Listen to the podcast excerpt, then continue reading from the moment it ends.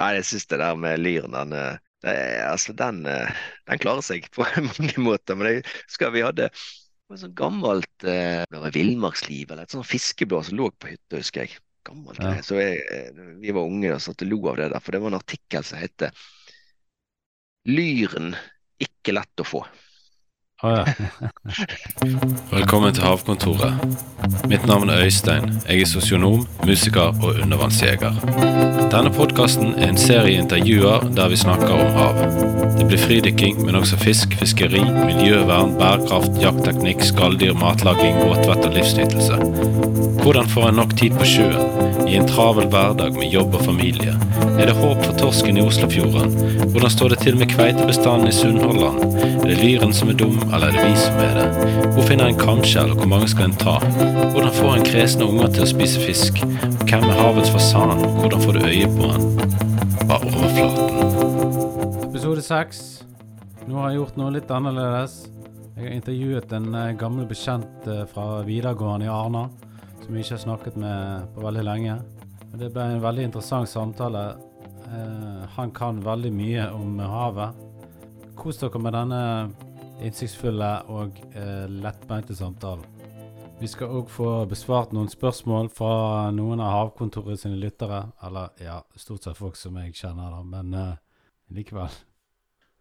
Kristian, eh, eh, hva var det som fikk deg til å gå den uh, yrkesveien som du har gått? Min uh, biologiske yrkesvei? jo, det var vel skal vi se, det begynte vel kanskje tidligere enn jeg hadde trodd. Alltid vært glad i det levende, og spesielt det levende i, i havet. da. Og fisk, krabbe og, og, den tingen. Og så gikk på gymnaset, så tok jeg en naturfaglig retning. Mm. med kanskje biologi som hovedfokus, da. Så mm. Eh, jeg følte det var det som jeg, som jeg mestra mest eh, og trivdes med. Og så er det jo gjerne sånn at du vet ikke helt hva du vil videre, da, men jeg havna på universitetet. Og så mm. er jo matematikk først, og så filosofi og disse X-FIL-fagene. Mm. Som jeg eh, kom igjennom, for å si det på den måten, da, før jeg kunne gå min retning innenfor eh, på biologi. Og det, Der er det jo eh, veldig mye spennende å, å, velge mellom. Så jeg eh, tok jo det jeg måtte ta, og så tok jeg eh, en del eh, egne valg, f.eks. innenfor parasitologi og, og slike ting. Og så kom jeg jo inn på en sånn eh, eh, fiskeri- og marinbiologiretning etter hvert. Eh, Det var nok Det var jo med hensikt, det var jo det. men at det skulle bli fiskeribiologi kontra marinbiologi er vel kanskje litt mer en sånn tilfeldighet. Eh, ja. Men eh, fiskeribiologene de jobber mye med fisk, da. Marinbiologene mm. jobber mye med alt det andre. Så Sånn sett så er det jo kanskje forståelig. Eh, og så var det jo Det var jo den tiden det var såkalt hovedfag. Ja. det var jo litt mer sånn på lykke og fromme enn det er det i dag, når du har et fast studium og en relativt hard tidsplan. Så var det vel litt mer utforskende i min tid. Så jeg fant meg oppgave på Havforskningsinstituttet. Mm -hmm. Så jeg tok den der da med, med koble opp til Universitetet i Bergen. Og det var jo på tobis, eh, som er en veldig spennende fisk. Eh, eller for å si det sånn, det er mange eh, arter tobis. Dette var på den som de fisker, den heter havsil. Og så var det problemstillingen seismikk. Så, så, da ble det en del fysikk inni der, og spesielt innenfor lyd. Eh, og så var det eh, biologien da, til, til Tobisen, som, som, er jo noe spesiell. Eh, ja, jeg vet ikke hvor mye du vet, men det er det her. Nei, altså Tobisen er en av de småfiskene som, eh, som andre arter lever av, ikke det? Jo, det kan du si. Eh, men det er fem arter tobis i Norge. -hmm. Så vidt jeg kan. Eh, men de mest kjente er jo den småsilen, som er mhm. gjerne inn med land. Eh, som mhm. er byttedyr for fisk som er kystnær, og spesielt fugl. Mm -hmm. og så har vi havsil, som mm -hmm. er mer til havs, som en kommersiell art. Så det blir har vært fiska betydelige mengder av han. Mm. Fikk han seg en knekk her i 2000-tallet, og så er han opp igjen nå på ganske gode bestandsmål. Da, så det, det, det er en god del penger i det, i det fiskeriet. Er det sånn som de kverner opp til fôr og mel, eller er det sånn som går til som matfisk? Det er kun uh, mjøl og olje. Så Ja. det er ingenting som er kommersielt utnytta innenfor uh, konsum, som det heter. Mm. Så, eh, så den, er- den er eh, fireprodusert i ja, Egersund annet. Um, og så er det et nordsjøfiske. Og mm -hmm. denne her tobisen den eh, lever store deler av livet sitt i sand. Og han er ganske nøye på hva sand det er. Og så har han en litt rar munn eller nase da, som kan grave seg fort ned. Snur han seg i sanden, og så stikker han opp med snuten, så den ligger litt oppafor. Eh, og eh, når han er aktiv, da, sånn fra april og sånne ting, så siger han opp eh, veldig tidlig om morgenen, Mm. eter, og så går han ned når enten han er mett eller at lyset forsvinner. Så går han ned igjen i sanden, venter til neste dag. Så det er en sånn antipredator-atferd, da. og um, følger jo beitinget til, til zooplanktonet. Og så fiskerne de må være veldig tidlig på han hvis de skal få han. Mm. Eh, og så gir gjerne fiske seg litt utover dagen, for da blir, blir, står han for spredt. Så de Aha. jobber når lyset kommer, og så når klokka er tolv, og de er ferdige. Da bare vente til neste, neste dag. Um, og, og, ja, og så har du én art oppi der òg, som heter storsil, som er en predator. Eh, det, det, er en- det, er en- det er en sil, men eh, han eter på uh, småsilen. Hvor stor er den silen, da? Den kan bli opp en 40 cm, den storsilen, og så har han to tenner. Så, så den, eh, den forsyner seg av eh, de andre silene, da, kan du si. Um, så har han veldig kort generasjonstid, Uh, blir fort kjønnsmoden. Og um, så er han litt utsatt for, for svinginger i bestanden. Da. Og hvert år så er det litt sånn forskjellig hvor hen han dukker opp. Og det har litt med sandbankene flytter på seg og, og, um, og de tingene der. Så det er alltid litt sånn spennende med hvordan årets uh, Tobis-sesong eh, blir. Og den er, begynner i april, og så er det mai, og så er du ferdig. Så det, det, men det var eh, altså For å gå litt tilbake til hovedfaget, da, så var det jo det at eh, fiskerne de eh, klagde på at eh, når de drev på med seismiske undersøkelser, så forsvant tobisen. Okay. Da gikk den ned i sanden og døde. Mm. Kom aldri opp igjen. Så da var han eh, Ja, det, så de var bekymra for dette, og så ble det da lovt penger. Eh, Det var vel det som het eh, Norsk olje og gass, nå heter det vel Offshore Norge, som var inne og sponsa. Så de kjørte en, faktisk en helt reell 3D-undersøkelse med seismikk. Og det er jo sikkert som du vet, det er luftkanoner. Aha. Så det er ganske heftige greier. De skyter i to og et halvt døgn med ti sekunds mellomrom. Så det dundrer bak de. Det er sånn som de gjør for å leite etter eh, olje og gass. Ja, det er en form for et kjempestort ekkolodd. Eh, men du smeller av eh, en luftkanon, og så går lydbølgen gjennom eh, havet, eller sjøen, da, og det er jo uinteressant for så vidt, men han fortsetter ned i det som er under bunnen. da. Mm.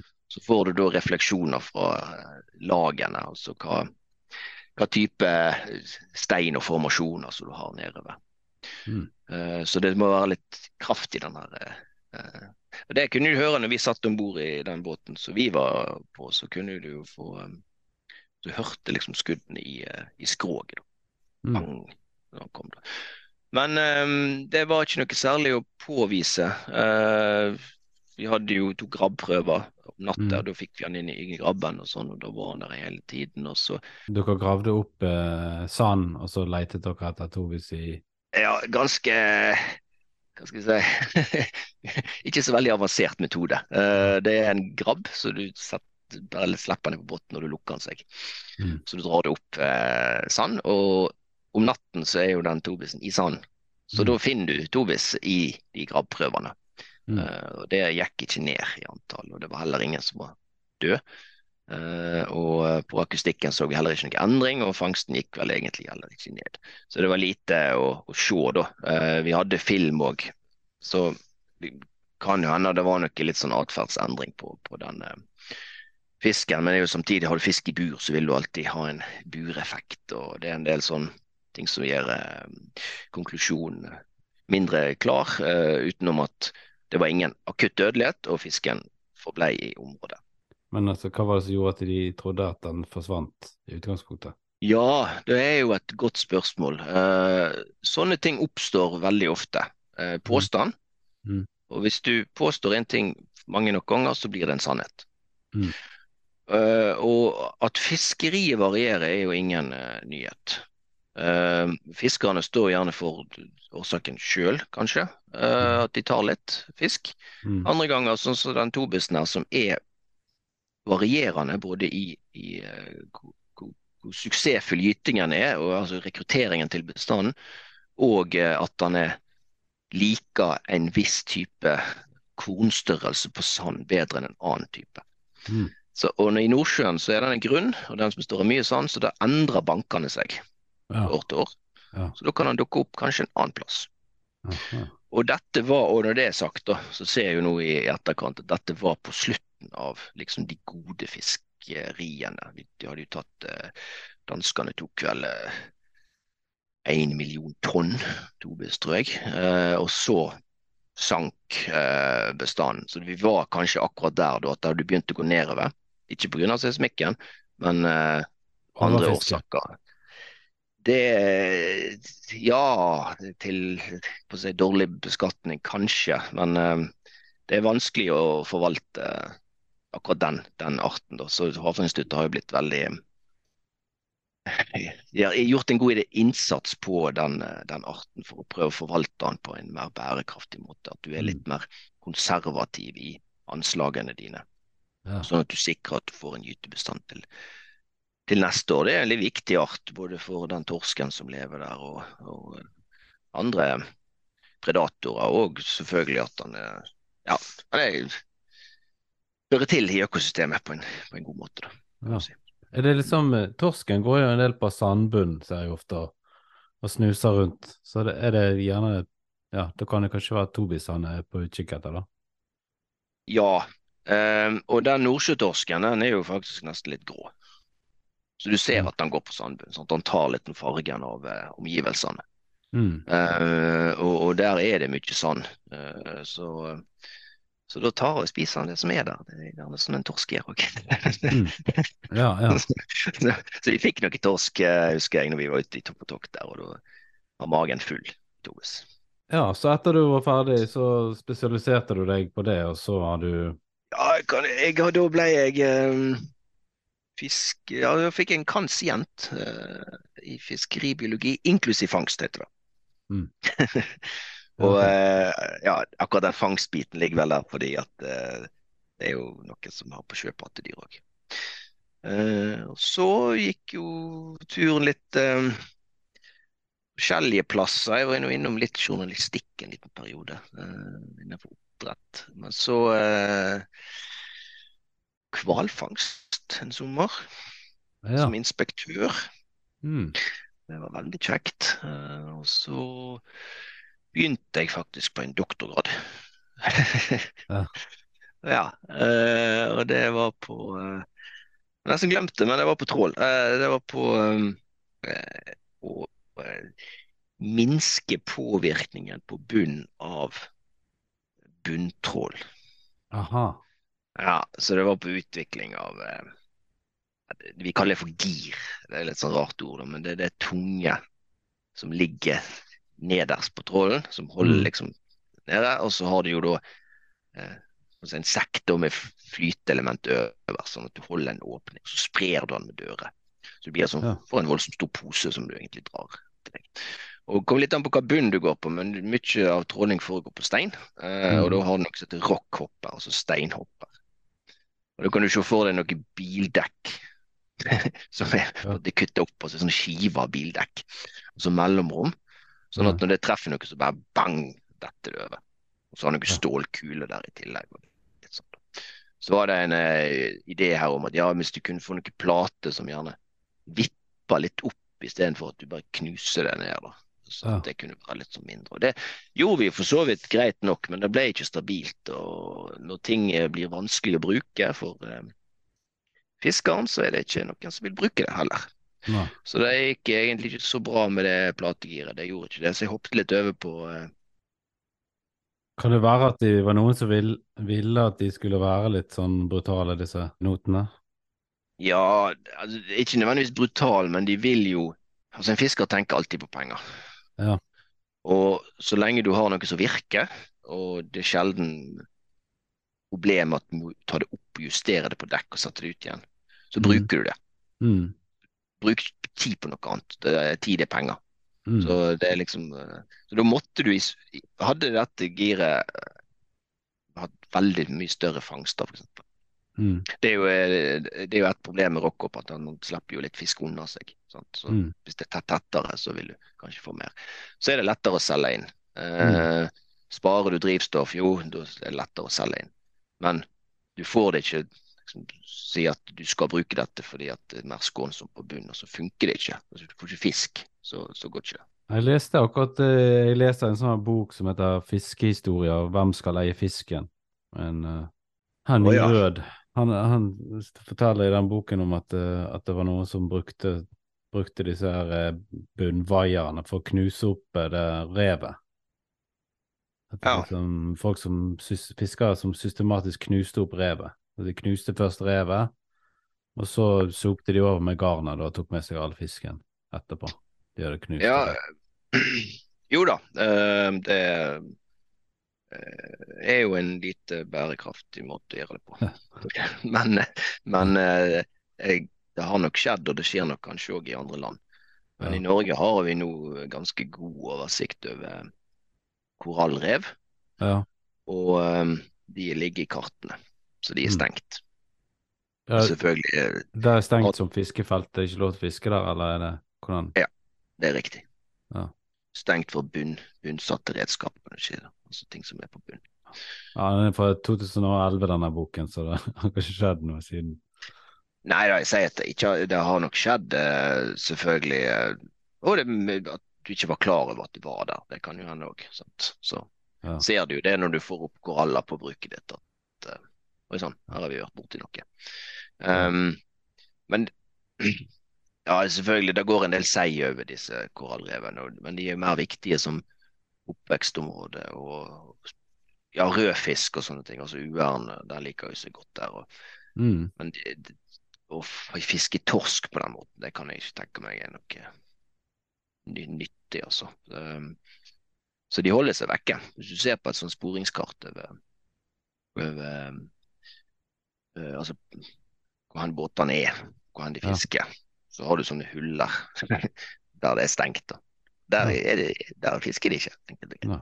Så vi har jo sporing på alle båter. Så Ja. eh, vi har jo relativt god oversikt over hvor hen det er. Og så hvis du da ser på hva fart de har, så kan du jo tenke deg at når de har en fart mellom to og fem knop, så vet du at de fisker, og da kan du lage sånne kart over at her er han. Fisker, her fisker de ikke. Så, Men eh, er det, er det da eh, Hvem er det som håndhever? Er det noe, hvis på en måte noen på en måte bryter de fisker der de ikke skal, hvor er det, er det noen som er ute og ja da, altså det er mange eh, i Norge som kan håndheve. Eh, Fiskeridirektoratet kan jo håndheve. altså med våre, Vi har jo en sjøgående tjeneste i tillegg til å ha inspektører. da. Mhm. Um, politiet kan jo gjøre det. Altså, ofte så blir det jo en, en sak som blir oversendt politiet. da. Så tar de det videre. Ja. Men vi har muligheter vi òg til å gi direkte gebyr. Eh, og så har du Kystvakten. Kystvaktloven er jo en egen lov, så de har politimyndighet til havs. Aha. Så de tar, eh, kan gjerne ta seg av sånne ting i en ledig stund. Hmm. Um, Er det sånn at det går, an, det går an å gå inn og se på eh, Fiskeridirektoratet sin side, for du ser en sånn oversikt over disse revene, eller er det det nå? det vil du. Ja. Eh, vi har flere sider. Vi har arealverktøyet til Barentswatch. Der tror jeg, antar jeg at det ligger òg. Men vi har vår egen karttjeneste til Yggdrasil. Den ligger på framsida vår. Der Ja. kan du gå inn og klikke på alle de lagene du vil, og der har vi tatt inn gytekartene til HI òg, tror jeg. Eh, sånn at du vet hva som er gyteområde og gytefelt. Ja, det fikk jeg faktisk akkurat vite. Mm. Det ligger, det ligger ute sånn gytefeltene til torsken og sånn. Ja, ja. Mm. Så um, det er ganske godt. Eh, det er spesielt innenfor kystsonen så er det, så er det ganske godt kartverktøy. Ja. Ja, vi har begynt å se litt på det når vi liksom velger hvor vi skal eh, Spesielt på sånn nattdykk, hvor vi skal ut og Det er veldig mye torsk enkelte steder i, på, i de her gytesonene inne, inne i fjordene. Ja, så spennende. Det er jo kjempebra. Mm. Um, Ja. Altså, jeg vet jo ikke i forhold til hvor mye torsk det var før, selvfølgelig. Så er det sikkert ikke så mye nå som før, men det er mye torsk å se. ja, ja nei, jeg håper jo at du ser torsk, men jeg er jo òg av den oppfatning at uh, det står dårligere til med den, det som vi kan kanskje kalle for fjordtorsk, da. Eller en kysttorsk. Ja. Uh, det er jo historier om at ja, folk har jo levd av å fiske torsk, omtrent. Ja. Eh, Nordhordland og ja, for så vidt både lenger sør òg, men det er lite å få. Um, om det, hva det skyldes og sånn, det er vel litt sammensatt. Men uh, de sier jo at klimaendringene kan påvirke, da. ja, det er mange som sier at vannet, når vannet blir varmere, så går torsken lenger nord. Ja.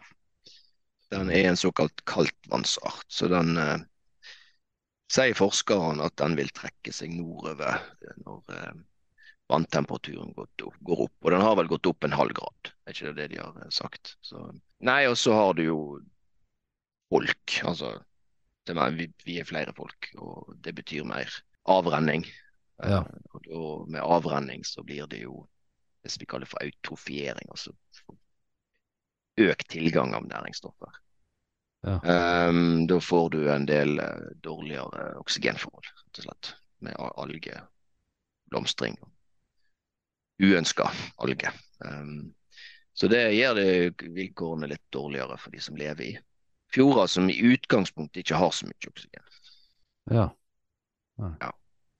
Er det sånn som Fiskeridirektoratet tar måler på, eller er det sånn at dere overvåker de forskjellige artene?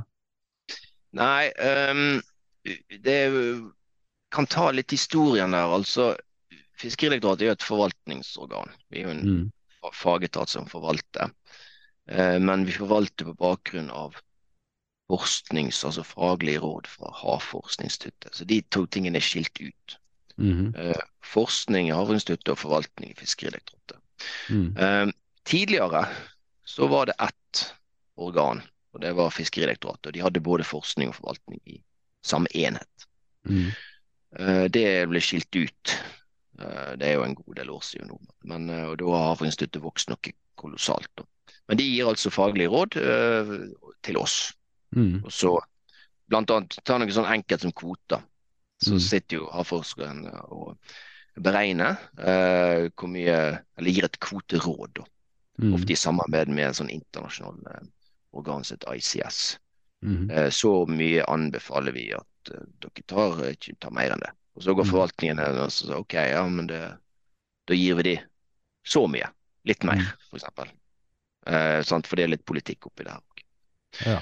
Så, så har jo så Så det er ikke alltid at de i rådene fra havforskerne blir på en måte fulgt? De er fulgt, men de blir ikke alltid det eksakte tallet som de råder til. Nei. Så har jo de nok lagt inn en buffer der òg, da.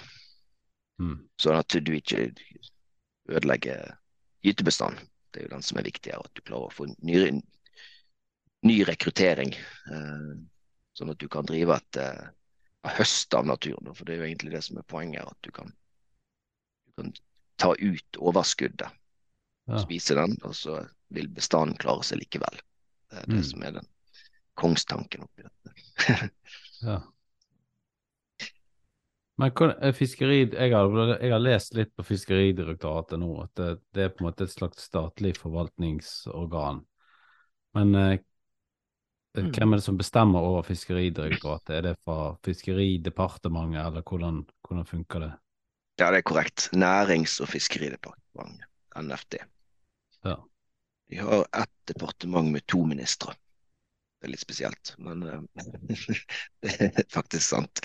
Så i Nærings- og fiskeridepartementet så har de jo en næringsminister, og så har de en fiskeriminister. Hvem som er fiskeriminister nå? Det er, Det er han eh, Skjæran. Skjæran. Ja. Sto faktisk fornavnet litt stilt der, men er De bytta det jo så ofte, så jeg gikk litt i surr sjøl, faktisk. Um,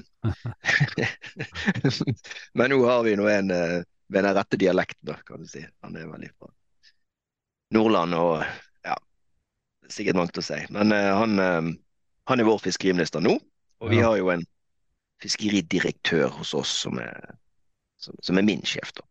Ja. Og det var han Frank Bakke Det er Frank Bakke-Jensen, tidligere forsvarsminister. Ja, Så han var ikke fiskeriminister da han Nei. Nei. Ja. Nei. Han, han var forsvarsminister, ja. så uh, Mm. Kan, skal ikke si noe mer om det. Nei. Nei, jeg så jo at, han var fra Høyre. Så han er jo Høyre. Høyre, Høyremann. Høyremann fra Båtsfjord. Hvordan har du, hva, hva forhold har du til fisking og sånne ting sjøl nå for tiden? Jo da, jeg har et godt forhold til fisking. Um, skulle gjerne gjort det mer. Ja. Eh, men jeg har jo både båt og naust og fiskestang, så eh, vi bruker jo litt tid der på om sommeren. Ja, det var på Bømlo dere hadde hytte? Ja, det er hytte på Mosterhamn på, på Bømlo. Ja. Mm. Så, um, så der bruker vi en god del tid på, på fiske det som rekreasjonsfiske, som det heter så fint. Er det sånn at du tar med deg eh, alle, all kunnskapen din, eller er det sånn at du bare fisker litt som en helt vanlig person? Ja, det er et veldig godt spørsmål. Eh, jeg ser at det finnes en del eh, hobbyfiskere Mm. som sitter med en solid kunnskap og imponerende kunnskap om uh, fiske. Uh, altså, så de har nok overgått meg, selv om jeg er biolog, så har ikke jeg eh, så gode kunnskaper som de har om eh, ja, lokalbestander og metoder for, eh, for fiske. Så, eh, så det er bare imponerende. Så jeg, jeg er interessert som biolog, men jeg har ikke noen sånn ekstreme fortrinn. Det har jeg ikke. Fritidsfiskerne er jo veldig opptatt av hvor de skal fiske hen, og når, og, de tingene. Er jo veldig viktig for de. Det, det. Ja da, men jo, det, er- det, er, det er veldig viktig for, for mange. Og de er flinke til å søke kunnskap, de er flinke til å dele kunnskap. Eh, jeg er litt mer at uh, her uh, har vi fiska før, og her vet jeg at det er fisk, så da fisker vi der. Ja. Og så er det jo sånn når du har unge, tre unger om bord i båten òg, så har du av og til litt sånn mindre tid, da. Så da blir det litt lite utforsking. Da går du på den plassen du fikk fisk sist gang. så det gjør det enkelt. Legg lista lavt. Har dere fått, eh, har dere fått noe spesielt eh, på fiske der i Bømlo, da? I det siste? Nei, altså det går mye lyr, Ja. som, som ikke er spesielt. Eh, og så har de jo makrellen, da. Ja. Men ehm, eh, det, de kom Ja, jo, spesielt, altså. Skal vi se. Får vi piggo av og til. Mhm. Det er jo ganske heftig. Ehm, og så får vi jo eh, horngjell innimellom, Ja. ja. som òg er gøy. Ja. Eh, sypiker, eh, hvitting, lysing. Ja. Um, den må du jo fiske litt etter, da, skal du ha den lysingen. Eh, men eh, jeg får kanskje mer rare ting i garn enn eh, på snøre, altså. Ja. Så, eh, men det er jo, jeg har jo fått paddetorsk, for eksempel. Det, det var veldig rart. Men ja. det er ikke så ofte du får tak i. Så, men der er jo disse artsfiskerne òg veldig, veldig imponerende, hva de klarer å få på kroken. For det, der ligger det mye tid bak, tenker jeg, ja. og innsats. Det tror jeg. Ja, Paddetorsken, den har jeg aldri Er det i torskefamilien, eller er det bare i navnet? Det er nok bare i navnet. Det er bare i navnet. Akkurat hva familien tilhører, det har jeg ikke Det tør jeg ikke si akkurat nå. Da må jeg sjekke. Kanskje nærmere beslektet torsk enn padde, iallfall. Ja, det, da er du på feil eh, For å si orden av, av arter. Ja, nei, det er helt riktig. Mer i slekt med torsken, ja. Mm. Um, nei, jeg kan jo ulke lignende. Han er litt sånn flat og ja, ser ut som en tilpassa bunn. Har du begynt å dykke litt der nede òg, forsto jeg? Ja, det var jo òg et prosjekt. Det var noe broren min fikk meg med på.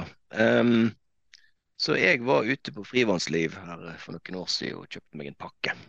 Ja. Uh, og så har jeg fått med meg uh, min eldste sønn og dattera mi. Ja. Og så har broren min med seg sine unger. Uh, og så er vi ute da og dykker. dykke. så det er en ny ting. Det, det er veldig, veldig kjekt, uh, syns jeg. Og det som er gøy med det, er at du kan gjøre det når som helst på året. Da. Så vi har ute sånne juleferier når og dykker. Og når sjøen er klar, så er jo det ganske fantastisk. Det er jo litt kaldt på nesa, men ellers er det jo det er veldig fascinerende. Men jeg er jo fornøyd med å ligge ganske lavt, altså i, i tangbelt og sånne ting. Jeg. ja. Jo, nei, det er mye fint her òg. Ja. Nei, det er jo masse fint å se. Jeg eh, dykker jo litt nede på, på Fitjar. Har jo svigerfamilie der, så det er ikke så langt ifra. ja, ja. På Kråkå, da? Uh, nei, de, de Nei, jeg vil ikke helt si helt nøyaktig hvor det er jeg dykker hen på podkasten. Så eh, Eller det har jeg faktisk lovet, lovet en fyr at jeg ikke skal si. Nei, men det er helt i orden. Han snakker jo, Jeg har jo intervjua en som bor på Stord, og han pleier jo å jakte på lyr under den eh, bro, broen, Bømlebrua. Å ja, der ja. ja.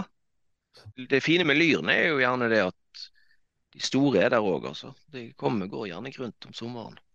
Mm, Du kan jo dunke, komme over en. ja. Litt størrelse. Så er det jo det blir litt Når du dykker sånn, så ser ting kanskje litt større ut under vann. ja, jeg vet ikke, av og til. Av og til så jeg syns det går begge veier. ja, OK. Ja. Bare generelt sett så syns jeg at det er vanskelig å bedømme størrelse på, på fisken under vann. Ja, det merker jeg òg. Og avstand syns jeg er litt, uh, litt litt vanskelig. Jeg hadde en sånn eh, Det var vel mitt første kamskjell. Da hadde jeg en liten sånn eh, En opplevelse som eh, Ja, du vet vel minstemålet? Du må, det må jo du vite som er i Fiskeridirektoratet. Det burde jeg visst, ja. Men eh, kan du, kan du Nei, jeg tror det er ti centimeter. Ja Nei, det var større enn det. Um, ja, så så jeg det, og så tenker jeg, der er det jo innenfor rekkevidde, tenkte jeg da. Mm. Uh, men det viste seg å være ganske langt ned. Det ble jo bare større og større, dette kamskjellet. Så, så da var det tungt på vei opp igjen. jeg tror det var bor med min har sånn klokke, da, så han eh, mente det var 11 meter. Så, Ja. eh, men jeg fikk det opp.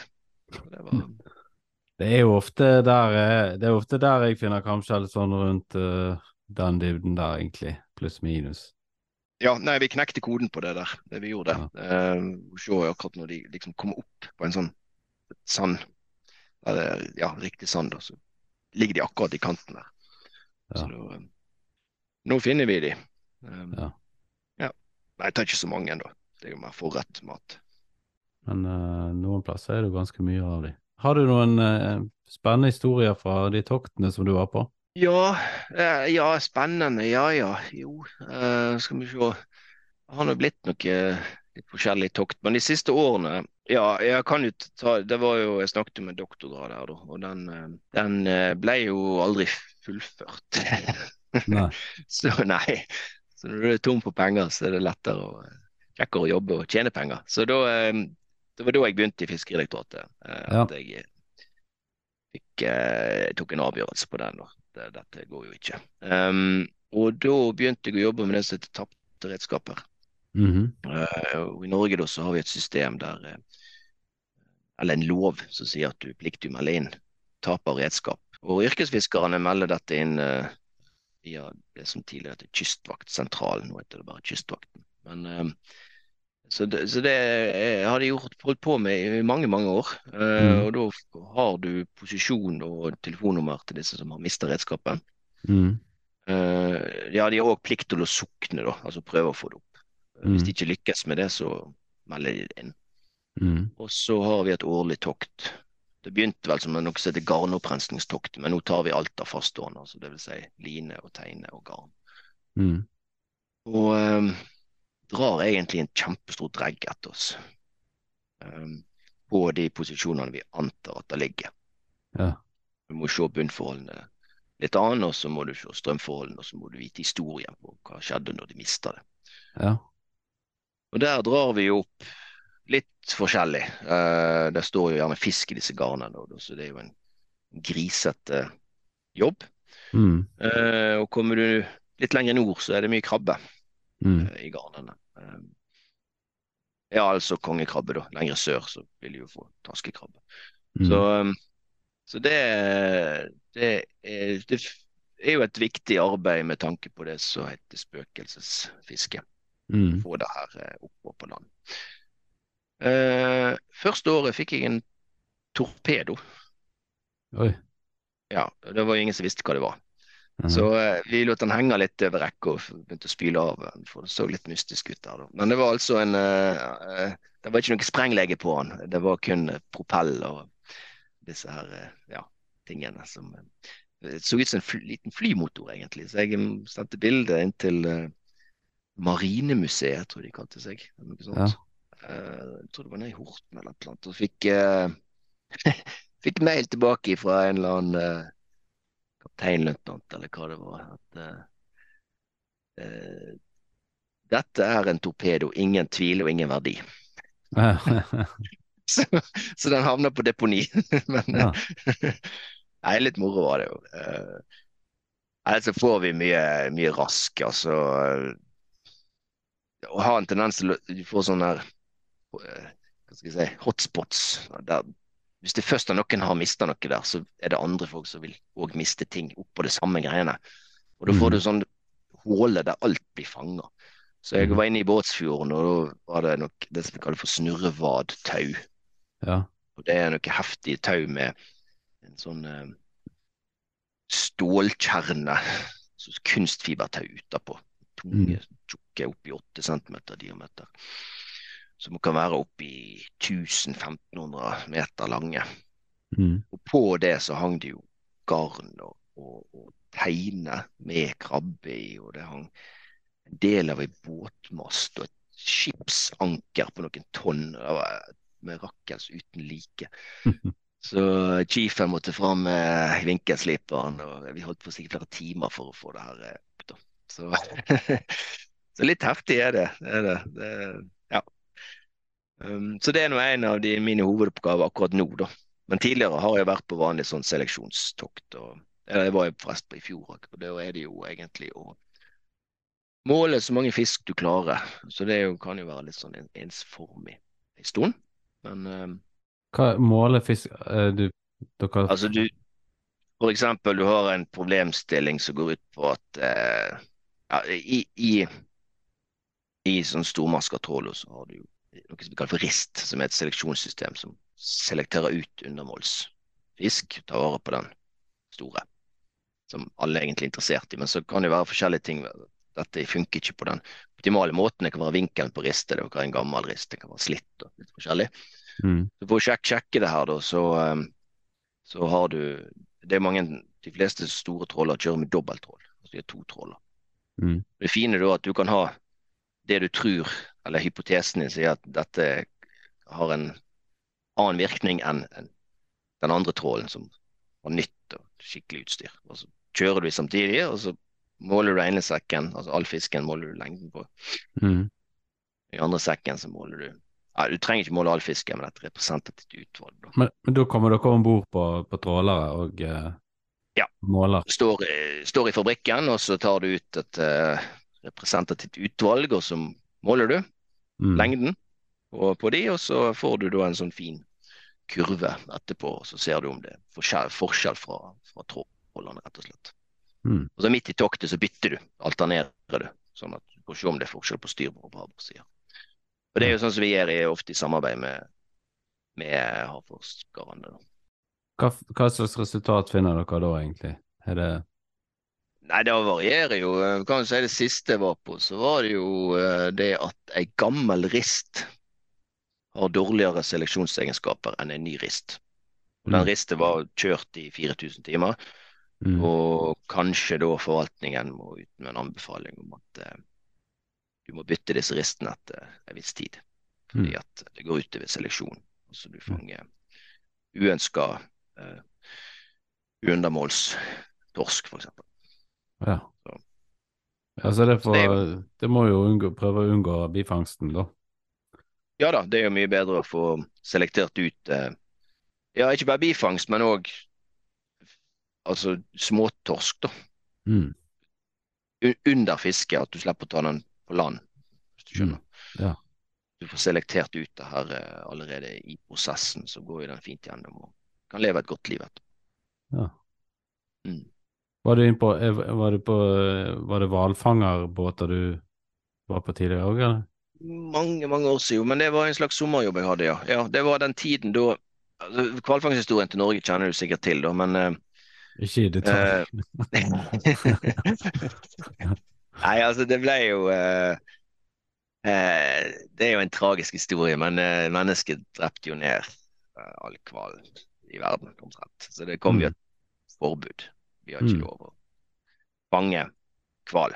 Men det gikk jo mye på storhval. Altså det her de driver på med i Sørishavet, f.eks. At du tar blåhval og finnkval og retthval og alle disse store dyrene. Um, men i Norge så har vi en tradisjon for et, noe som heter småhvalfangst. Ja. Og det går på vågehval. Ja. Uh, det er en del som har hatt det som næring, spesielt i, i Lofoten. Steinar Bassesen og, gjengen. Og gjengen, helt riktig. Um, og så har du jo noe som heter International Whaling Commission, uh, som er et sånt uh, organ som skal, altså det skal egentlig basere det på forskning, da, men der har de jo sett at ok, den bestanden den er ok. Mm. Uh, og den rekrutterer godt, for de har relativt hyppig kalver. da. Altså de kan, eh, de kan føde en unge i året, liksom. Eh, som er veldig bra i forhold til en blåhval som det tar årevis av før det kommer et barn. Så, um, så, så da ble det jo tatt en avgjørelse, det var vel kanskje Brundtland-regjeringen eller noe sånt, om at vi skal starte med småhvalfangst i Norge. Fordi Ja. at det er innenfor de eh, vitenskapelige rådene som IBC har. Mm. Eh, så da gjorde vi det, eh, med masse bråk. Eh, Ja. Det var jo denne Sea Shepherd-stilen med han der Ja eh, Hva var han het? Watson? Han het han eh, Paul Watson. Paul Watson, ja? Ja, og de senka vel en båt i Lofoten. De dro ut bunnpluggen på han. Ja. Stemmer det, ja. ja. Men vi har nå holdt på med det der. Men et av kriteriene da var jo at du måtte ha med deg en inspektør om bord. ja. Og der kom jeg inn i bildet. Mm. Eh, denne inspektøren skulle jo da ta biologiske prøver. Måle lengde og bredde og omkrets og de tingene. Og så var det jo å ta prøver av spekket eh, for miljøgifter og sånne ting. Og spekkmål for å se kondisjon. Da så er han i, i god stand, denne hvalen. Eh, sjekke kjønn og en, en, en, et hokjønn, så må du se om den er gravid. Og er gravid, så må du ta prøve av fosteret. Ja. Alt det her skal, skal sendes inn. Eh, hvis du ikke er gravid, så må du òg sjekke den her eh, corpus luteum, som det heter, som sier noe om eh, de har født eller ikke. Um, så, så det var en del oppgaver, men en annen oppgave var jo òg å, å gå god for at den hvalfangsten uh, er human. Mm. Og det jeg glemte jo å si, men et av kriteriene var at det var ikke lov å fange med kald harpun, som det heter. Og det gjorde jo de i gamle dager. Du skjøt bare en harpun rett i hvalen, og så heiv du en, en blåser på den, og så gikk han til han sleit seg ut, og så dro han opp. Eh, det er jo inhumant. Men eh, Hva, hva er bruker de nå, det med, med sprengladning på? ja, de bruker en ganske ikke avansert, men de bruker en, en granat som er utvikla i Norge, da, som de skrur frampå harpunen. Mm. Den granaten har ei, hak, ei mothake Mm. eh, og en, ja, la oss kalle det en, en tråd Mm. på 70 cm. Mm. Sånn at når denne harpunen går inn i, i brystet, eller akkurat med sveiven, da, altså den, den finna som han har, Mm. så fortsetter han inn 70 cm, og så blir den her tråden stram, da, fordi at den mottaket henger på utsida av, av hvalen. Så Mhm. eksploderer granaten, og da er granaten ideelt sett 70 cm inni dyret. Mm. Og da er den i liksom lunge, eh, hjerteområdet.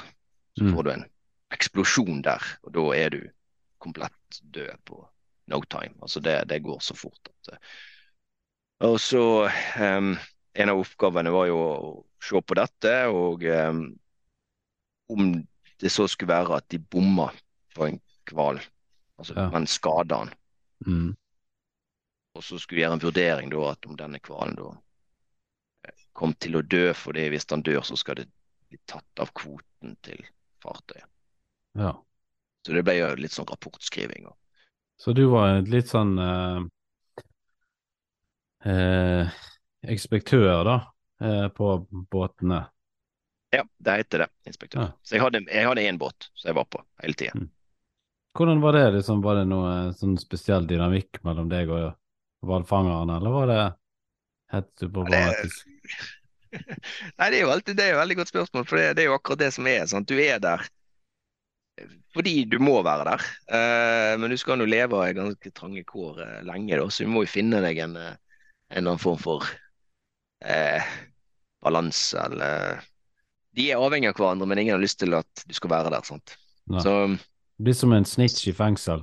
ja, litt sånn. Nei da, det går helt fint. Det er kjekke mennesker, og de er flinke òg. Så Ja. det er liksom ikke så mye å, å peke på, egentlig, da. Nå ble jeg nesten litt Um, skuffa. Jeg så for meg ja. den, eh, det dramaet om bord. Ja, du har, kjenner jo historien til den svenske selfangstinspektøren, sant? Nei.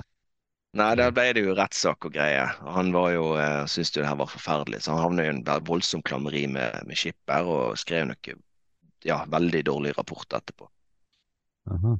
Og eh, ja, det er mange år siden. Jeg tror han er død nå, forresten. Men eh, Hvordan døde han? Det spørsmålet. Nei, det? var nok av, eh, av alderdom. Men eh, nei, det, det, nei, altså, det ble temmelig betent, og de var eh, uenige på sin hals. Så ja, sant, selfangst er jo òg enda rarere, for da er du, altså, da er du i ingenmannsland. Mm. Og du er langt fra, fra Altså, det, det er lang vei hjem. Så du Mm. vil jo helst ikke ha noe sånn krangel da, tenker Nei, jeg, da. Um, så um, det, det må ha vært eh, veldig kjedelig. Og så er det jo et brutalt sant, hvite selunger med ekstremt mye blod ute på isen. Ja. Så det er jo lett å ta noen bilder der som gjør at det ser forferdelig ut. da. Mm. Nei, nei da, men hvalfangsten, ja. Det, det blir eh, de, de dør innen eh, to minutter, tror jeg. De, Mm. sånn 90% eller 99% noe sånt dør innen to minutter. Så det er egentlig ganske ganske bra, den her oppfinnelsen med, med granaten. Så um, har du selvfølgelig tilfeller der du må framme Du er pliktig til å ha en sånn eh, eh, ganske stort våpen på eh, standplass, da. Så du skyter han i hodet med med en gang, hvis du tror han ikke er død. For det er jo farlig å ta han inn hvis ikke han er død. ja. Det er jo små båter der. Store hvaler. Så det var Nei da, men det har slutta med nå, da. Så hvis Mm. du kan ikke søke på den, Øystein. Den stillingen. Nei. Uh, det, nei, de, de begynte med sånn eh, er sånn de tar inn folk som er helt uh, ufaglærte. ja. Nei, de, de begynte med en, en boks som målte Altså det var GPS på den, og så skulle han måle krengingen på båten, og så skuddene og litt sånn forskjellige ting, sånn at du kunne i ettertid se om det hadde gått riktig for seg, basert på det, da. Å ja. Ja, Så da ble så måtte- dere måtte... måtte Ja. Og så skulle de ta de biologiske prøvene sjøl. Jeg tror det var det det endte med.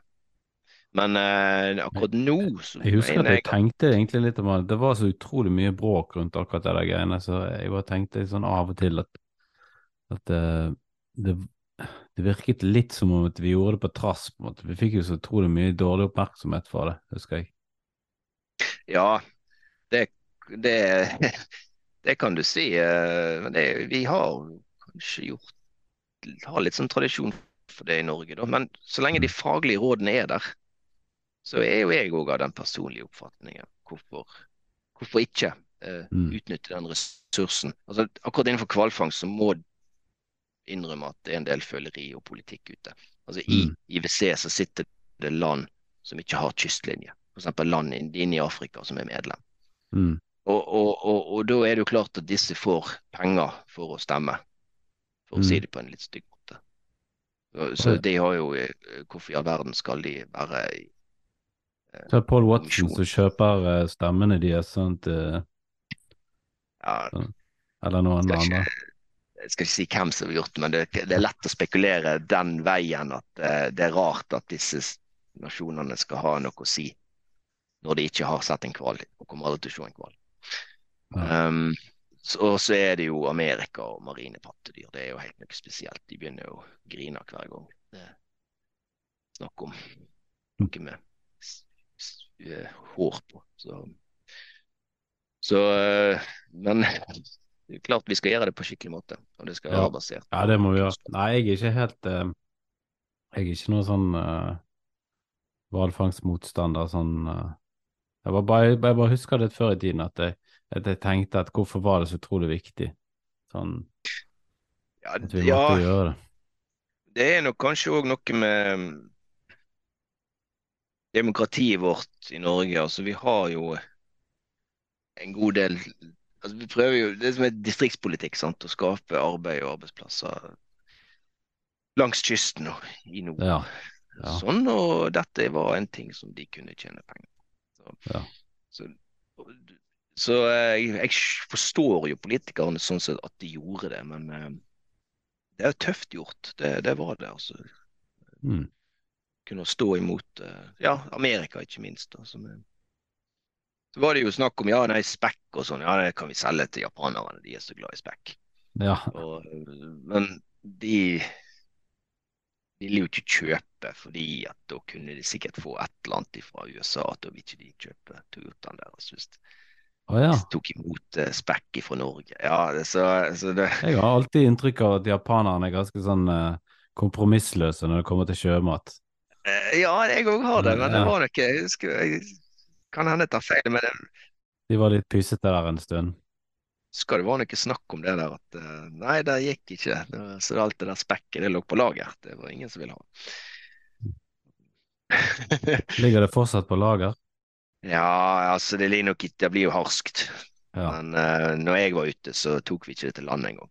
Jeg tror de fikk en sånn ett øre kiloen. Eller det var, det var Det går ut med beingrindet, for å si det sånn. Så ah, ja, sånn ja. ja. det var ingen som omsatte det. Er det bare sånn uh, vågehval som de fortsatt jakter på i Norge? I Norge er det kun vågehval, ja. Ja. Um, andre nasjoner har jo han um, Kjenner jo til færøyværingene. De har jo en litt annen Ja, de har den, den Tilnærming. eh, Ja. Det er jo det store grinderdrapet, og det ser jo ikke så bra ut. Det ser ikke pent ut, si. nei. Nei, og jeg, jeg, var faktisk jeg Det ser ikke pent ut heller. eh, eh, jeg har vært inne i Arna og eh, sett på når de slakter lam i kjelleren på Underland der. Det ser ikke så veldig pent ut det heller. Det ligger jo Slakt er ikke pent.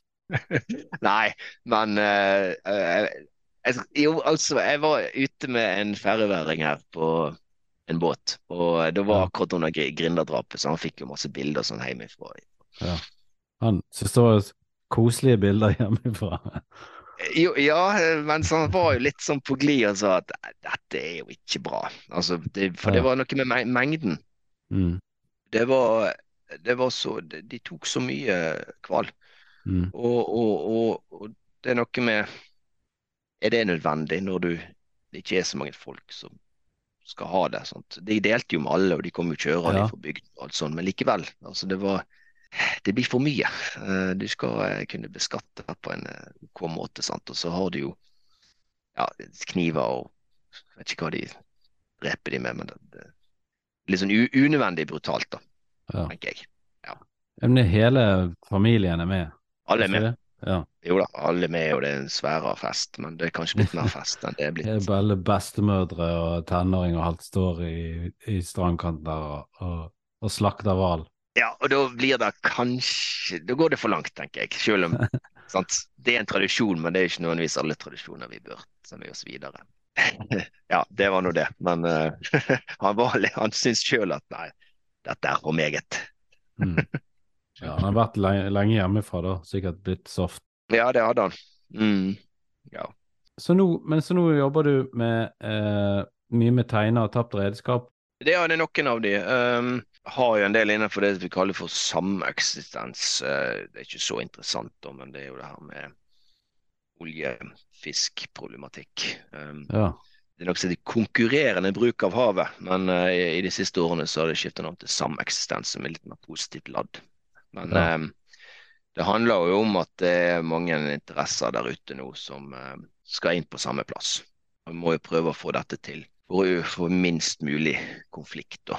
Nå har vi jo hatt eh, olje og fisk i ganske mange år. Eh, seismikk og fisk, disse tingene.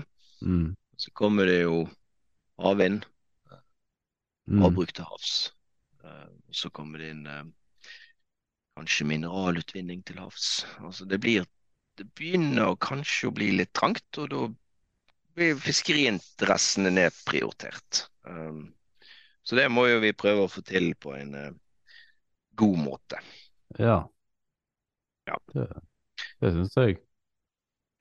Så, um, så det jobber jeg en, en god del med. Uh, Tegne nevnte du, ja. Det er jo, har jo gått spesielt inn mot det som heter uh, rømningshull for å unngå uh, spøkelsesfiske. Altså Mm. at når teinene blir tapt, så vil det at det stund åpner seg et hull så all fangsten kan rømme. Er det sånn som gjelder for alle sånne fritidsteiner òg, altså sånne hobbytegnere òg, at det er noe sånn bomullstråd? Ja, det har vi jo funnet ut at det var det enkleste. Ja. Og, og det finnes sikkert mange eh, Det finnes jo både gjenfinningsenheter og mange duppedingser og ting og tang du kan bruke. Men akkurat bomullstrå eh, var det letteste å, å få inn. Mhm. Og det er litt ulike måter å montere det på. Men tanken er at etter en viss tid, la oss si tre måneder, da, så vil den bomullstråden bli nedbrutt. Tre måneder, ja, da er jo ikke de døde da for lengst. Noe kan være dødt, ja. Uh, men uh, du må se store bilder. Det vil Mm. ikke fange mer. Nei. Og det er jo det som er problemet med spøkelsesfiske, det er at du fanger hele tida. Ja. Og det egner seg sjøl. Så, så, så da vil du få påfyll av nytt agn, og så vil det gå flere og flere inn. Og de er jo lagd i uh, sterkt materiale, mange av de, så det tar ja, 100 år før de blir brutt ned. Nei, jeg har faktisk eh, funnet en teiner når jeg har vært og dykka og sånt, og de er som regel tom. Ja, det er bra. Mm. Um, men har du sett om det er fordi det er åpning, eller Jeg har ikke visst om at det var derfor de var tom, så derfor har jeg ikke sett etter det. Nei, men se etter det. Ja.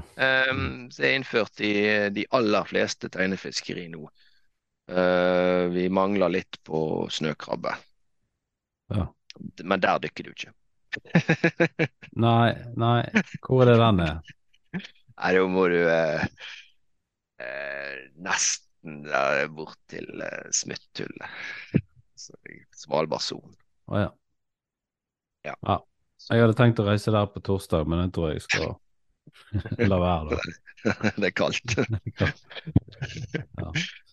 Nei da, så der eh, det har Ja, så da da, eh, Litt ulike måter, men hvis du ser for deg en sånn vanlig det som vi kaller for skottetegn, altså sånn som du fisker vanlig taskekrabbe med, Mhm. så har du gjerne sånne Når du skal ta ut krabben, så har du en sånn plastkrok, eh, Mhm. kanskje i hver ende, og så med sånn strikk på, så tar du bare av den, og så tømmer du luka. Eller Mhm. tømmer du teiner, da. Mhm. Der kan du feste i en bomullstråd. For eksempel Mhm. at du fester kroken i en bomullstråd uh, istedenfor i, i ramma på den tømmerluka. Mm. Eller at du har en bomullstråd mellom strikken og selve teinen. Så, så, så er ikke det her i veien når du driver på med det. og sånn. Og du må jo kanskje bytte den en eller annen gang fordi at han blir utsatt for UV-stråling når han er oppe på land og saltvann tærer og alt sånt. Men eh, det er jo et billig og enkelt tiltak for å unngå et stort problem. Ja. Men eh, eh, hvis du kan gi en beskjed til de fridykkerne som er ute og finner teiner, har du noen oppfordringer til de? Det går an å melde inn Ja. funn av andres redskap. Og det gjør du på nettsidene våre. Mhm. Så kan jo uh, enten båtene våre eller vi har hatt også et sånt lokalt opprenskningstokt søke å finne det, da. ja. Hvis ikke du gidder, bare dra det med opp sjøl, så Ja, det er jo bra, men eh, litt forsiktig med å ta andre sine teiner, da. Hvis det, hvis det åpenbart ikke er mista. Hvis du skjønner Ja, hva jeg men, mener. nei, men hvis det ligger på bunnen uten at det er noe tau i, så Da kan du godt ta det på land, ja. Ja. Uh, men sant, så er det jo eierløst avfall, og du blir kanskje Hvor skal du gjøre av det? det akkurat der er det ikke så gode løsninger. jeg, eh, har en, eh, jeg pleier å bare sette igjen nede i båthavnen. Ja, Fordi men- jeg, vil, jeg vil tro at de fleste som har teiner ute der ute, har båt på, på samme plass. Så, så Ja, ja. da finner de det der hvis de kjenner det igjen. Det, Ja, Jo da, eh, litt- men hvordan sier du det? Er ikke det kanskje litt farlig? Ja, Jeg har en teknikk jeg har så, så du har en sånn klipp som du kan klipse på eh, på denne fangstlinen. Så jeg pleier å klipse den fangstlinklipsen på, på teinen, og så drar jeg den opp med den. Ja, men det var jo smart. Ja. Nei da, jeg vil bare ikke si her at uh, jeg oppfordrer alle til å prøve, hvis du skjønner. I tilfelle de ikke dumt. Ja. Men, Nei, eh, det, for den kan du liksom bare klipse av, sånn at du har den som en slags klyper. Da svømmer du bare ned, og så klyper du på. Så Av og til så er den jo flere òg. Jeg har vært med på å dra det opp eh, sånne svære teiner som har vært veldig sånn nedgrodd og sånn eh, Så det har vært veldig sånn tungt å dra opp, så vi ikke gjør det klart hvis ikke vi var flere. Så Ja. Nei, altså det er kjempebra innsats, og alt hjelper. Det er helt klart. Vi har jo en del dykkerklubber som på en måte konkurrerer litt òg, altså de som dykker med, med, med tank, da. Eh, de melder inn hvor mange de har fått opp og sånne ting. Var det en app, eh, fritidsfiskeappen, eller var det noe sånt? Det var fritidsfiskeappen, ja. Og det ligger på nettsidene våre som oversikt, Ja. faktisk.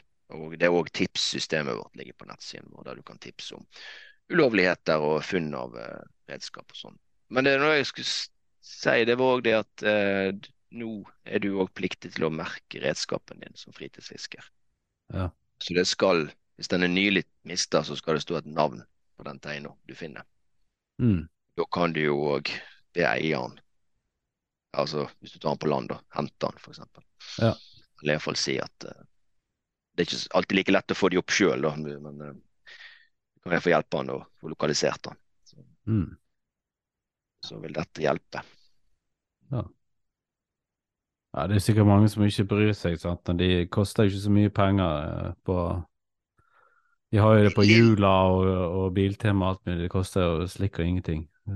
Ja, ja, nei, jeg ser jo det er litt forskjellig, da. Det er en, en del som er til salgs som koster, koster litt. Eh, men jeg er litt redd for at det er en del sånn eh, teiner som ikke er dimensjonert for å stå i norske farvann som blir solgt. Og det har en mistanke om at det gjelder disse svenske importørene. Så Du nevnte jo Jula Ja. annet. Og her, her kommer det i salg teiner som egentlig er beregnet for ferskvannskreps i Sverige, som blir Mhm. solgt som krepseteiner i Norge. Aha. Og det, da blir det boss i havet, for å si det på den måten. Det, det er, jeg syns ikke det, det er så bra at de gjør det, da. Nei. Og det er mange der ute nå. Eh, fritids, eh, både fritidsbåt- og fritidsfiskesegmentet det har økt eh, kolossalt de siste årene. Mm. ser jo det på sjøen òg. Folk skal ha både båt og de skal fiske. og Da kommer det mye rart ut i sjøen som kanskje ikke skulle vært der. Mm. Så litt sånn heads up til, til folk som er der ute, at uh, gjør det skikkelig. Finn en gamling og snakk med han. Ja. De har som regel peiling på både dimensjoner på tau og plasser du kan sette tegnet, for det mest vanlige er jo at du setter den en plass du tror det er fire meter dypt, og så er det fire meter dypt der, men en meter bortenfor er det 20 meter dypt. Mm. Og da ramler den utfor kanten, og så er det ikke mer tau igjen, og så forsvinner blåset òg. Men var ikke det et eller annet sånne, med Var ikke noen sånne regler på hvor, hvor dypt uh, teinene skal stå? Ikke nå lenger, den er tatt vekk. Ja. Hvor lenge, hvor lenge har den vært vekke? Nei, jeg har vært vekk i noen år. Eh, Det var det her med Det var en sånn hummer uh, Et forsøk på at de skulle fiske mindre hummer, da. Uh, Men nå er det regulert litt på en annen måte med at du har krav til fluktåpninger og Og du må registrere deg, og, og du har sesong på fiske. Mm. Så den dybdebegrensningen, den er tatt vekk. Litt lettere å håndheve. Ja, på, hvordan går det med hummer, eh, hummerne i Norge? se det siste jeg leser. Altså, vi har jo mer oversikt, for Ja. å si det på den måten. Mm. Uh, siden du er nå pliktig til å, å melde deg på fiske. Mhm. Så forskerne har litt mer oversikt over hvor mange som deltar, og hvor mye hummer de får. Ja. Um, og så har de begynt med dette disse reservatene, der du har Mm. stengt områder for, sånn, for hummer, og håper på at ok, da lever hummeren sitt gode liv der, og så får du en tilvekst da med at eh, egg og larve de flytter seg ut av det området og kan på en måte sette seg ned utafor der. Og, ja. Så um, Men um, ja, min personlige mening er jo kanskje at eh, kanskje vi skulle ha bare stengt det for noen og sett hvordan det hadde gått. Det ville gå utover noen yrkesfiskere, det vil det, helt klart. Men en del av det fritidsfisket er jo kun tradisjon. Ja. Det, det er like godt med reke og krabbe. Så hva skal du med ti hummere liksom på en fredagskveld? For å si sette litt på spissen. Ja. Nei, det er jo eh, andre land som gjør det annerledes. Sånn som for eksempel i England så har de jo mye mer hummer, har jeg forstått. Ja da, det Og har der er det jo lov å, å dykke etter de òg. Ja. Men, uh, men det er jo veldig lite her, og jeg, jeg har jo aldri sett det når jeg dykker heller, så Nei, jeg tror ikke det er så lett å se heller. Altså, de er jo sky på mange Mm. måter, og de trekker seg litt sånn raskt tilbake. Og, så jeg, nei, jeg har ikke sett noe heller. Altså. Nei, så jeg, jeg har jo hørt rykter om at det er hummer der. Der som vi har båt eh, så inne i steinene der utenfor moloen, men, men eh, jeg har ikke liksom vært motivert for å leite så nøye etter. Det er jo ikke lov til å ta de engang, så da gidder ikke jeg å ligge innimellom steinene der og leite etter de. Så Nei, det er helt riktig det. Du skal ikke ta de, uh, verken ja. som, eh, som, som, som dykker eller med andre redskap enn teiner. Du har ikke lov å ta de i garn heller. Nei. Så, um, nei, jeg vet ikke om jeg ville heller lå under vann og stokke nevene mine i ei steinur. ja, det er jo klype på de. Ja, den er kraftig. Men det er jo fantastisk deilig, da, hummer. Eh, lenge siden jeg har spist det nå. Jeg syns det er kanongodt. Det er kanongodt. Men det er liksom, jeg tenker er alt med måte, tenker jeg. ja. ja. Ja, altså Hvis det står på en arts eksistens, så er det vel ikke så, så godt. Nei, men det, burde jo på en måte kanskje vært mulig å Hvis det hadde vært mulig å gjort noe, sant. Eh, Jeg vet ikke hva de senkte, Eller så hatt et uh, større minstemål eller et eller annet uh, forbydd uh, å ta hoene, eller gjort et eller annet sånt. Kanskje det kunne kanskje fått opp bestanden litt. ja, jeg syns vi har gjort masse, jeg. Ja, altså det er jo rognhummer, for eksempel, det er jo ikke lov å ta. Og du har jo allerede minstemål. og Ja. nå har du, så, det er jo regulert veldig strengt, og det er en stram tidsperiode du kan fiske. Ja. det, men det fører jo til at f.eks. 1. oktober så ser det jo ikke ut. altså Det er pepra med tegnet. Mm. Du kommer deg jo ikke fra A til Å, og den stakkars Omar som er der, han Ja. Men eh, nei da, det, det var noe det var nå min mening. Jeg håper jo at eh, vi er inne på et spor der vi kan bygge opp igjen bestanden. da. Det, Ja. det er nok i bedring. Men du, skal vi ta oss og se på de spørsmålene som jeg Ja, sendte? det, Da tar vi første spørsmålet. Det er da fra Joel Burman. Han er eller Joel, er det vel? Joel Burman. En svenske som er veldig aktiv eh, undervannsjeger og, og fridykkingsinstruktør i Tromsø. Så det han spør på, det er finnes det mulighet for å påvirke lovgivningen angående UV-jakt. Da tenker jeg på ferskvannsfisk som abbor og gjedde, uten markeierens tillatelse for å få et lignende lovverk. Ja, Så han lurer på om det er mulig å påvirke den lov, lov, ja, ja, altså det, Jeg så litt på det der, eh, og det er jo en, det er jo en litt sånn pussig ting, da. Men eh, det er jo ikke lov. Altså, det er jo riktig det han skriver der. Ja. Eh, men samtidig så er det lov i ferskvann. Nei, i saltvann. men det som Det er noe som heter lov om ferskvannsfiske. Nei, Mm. lov om laksefisk og innlandsfisk. Det er en egen lov. Mhm. Den ligger under, under eh, Klima- og miljødepartementet, altså ikke mitt departement. Mhm.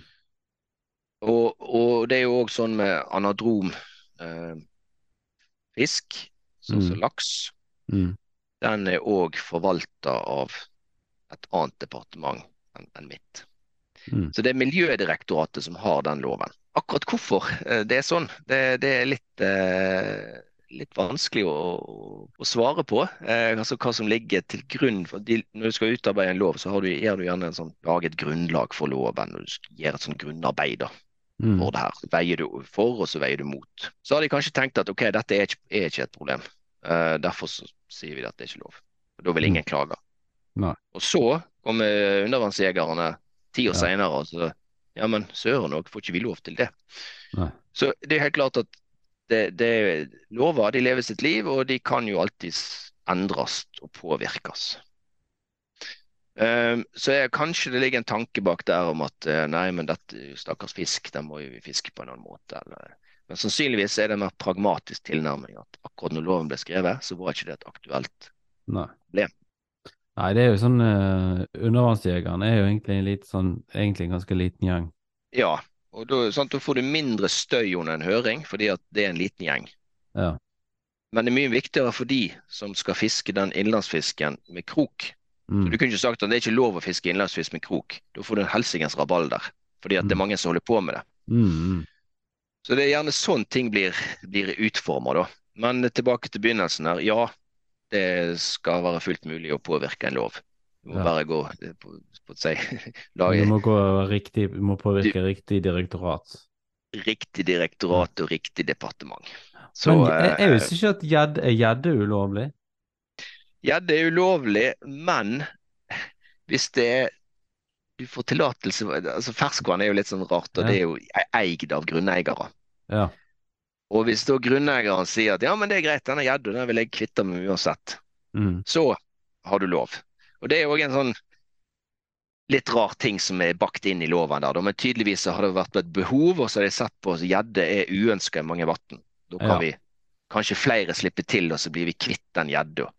Ja. At det er sett på litt mer som sånn uh, ufisk, da, for å si det på en litt stygg måte. Det er, men eh, jeg er ingen jurist, bare så det er sagt. Men jeg så det her, så tenkte jeg at hm, det der var nå litt eh, For det, det er ikke noe logisk med at f.eks. dyrevelferd eh, Ja, de får så vondt av å bli beskutt med en harpun, mens en Mm. saltvannsfisk ikke skal få vondt av å bli beskutt med en harpun.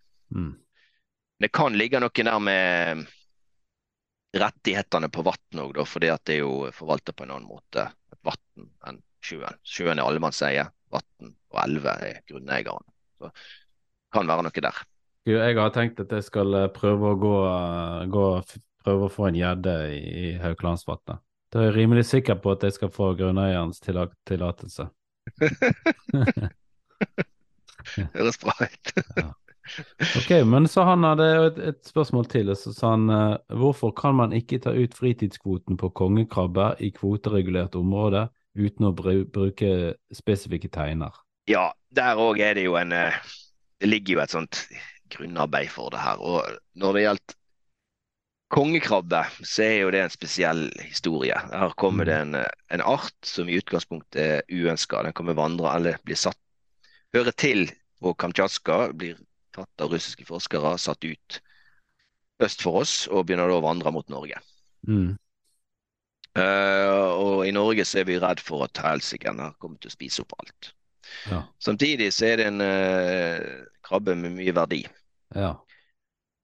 Og igjen eh, arbeid til de som bor lenger nord. Ja. Så det er jo politikk oppi dette her. Og så har vi jo kanskje òg eh, Husker ikke helt hvordan det var, men det var russerne hevda en periode at det var deres krabbe. Aha. Sånn at det blir brukt litt i forhandlinger. Si at Norge kan ta litt mer ungtorsk øst i Barentshavet, så får de lov til å ha krabben i Norge. Det er nå gått vekk ifra nå, da. Men uh, nå er det vår krabbe. Uh, Mm. Men det har jo blitt ei næring. Krabben Ja. er en næring, Ja. og det er mange som tjener penger på den, og da kan ikke vi da, da må vi forvalte den istedenfor å utrydde den. Så Ja. Det er tatt en avgjørelse der på at det er viktigere det enn å ta vekk den krabben. Og så eh, har de jo sett at vi vil ikke at denne krabben skal spre seg. Nei. Så satte jeg grensa da med Nordkapp. Eh, vest for 26-graden, Aha. der er det, kan du gjøre hva du vil med krabben. Ja. Såkalt desimeringsfiske. øst så er han strengt regulert med kvoter og da tilsvarende priser. Altså Det jo, har jo sin vekt i gull, mange. Det er jo ja, det er nesten for gale altså hva den krabben koster på Fisketorget i Bergen, for å si det sånn. Um, og så har de jo hvert år satt de har kvote. Du skal så og så mange kvoter til, til, de som har rett på kvote i det, nei, det regulerte området. Mm. Eh, og så skal du ha så og så mange tonn til de som driver turistfiske, altså de som viser fram fisken sin, nei, krabben sin til turister og sånn. De har lov. Mm. Og så er det sånn satt en ett tonn hannkrabber til fritidsfiske. Og Der er det altså lov å fiske ti krabber per person ja. Ja. i det området. Og da er det sagt at du har kun bruk, lov til å fange den krabben med teine. Igjen, det kan hende at det er ingen som tenkte tanken på at uh, Eh, en undervannsjeger skal ta en krabbe.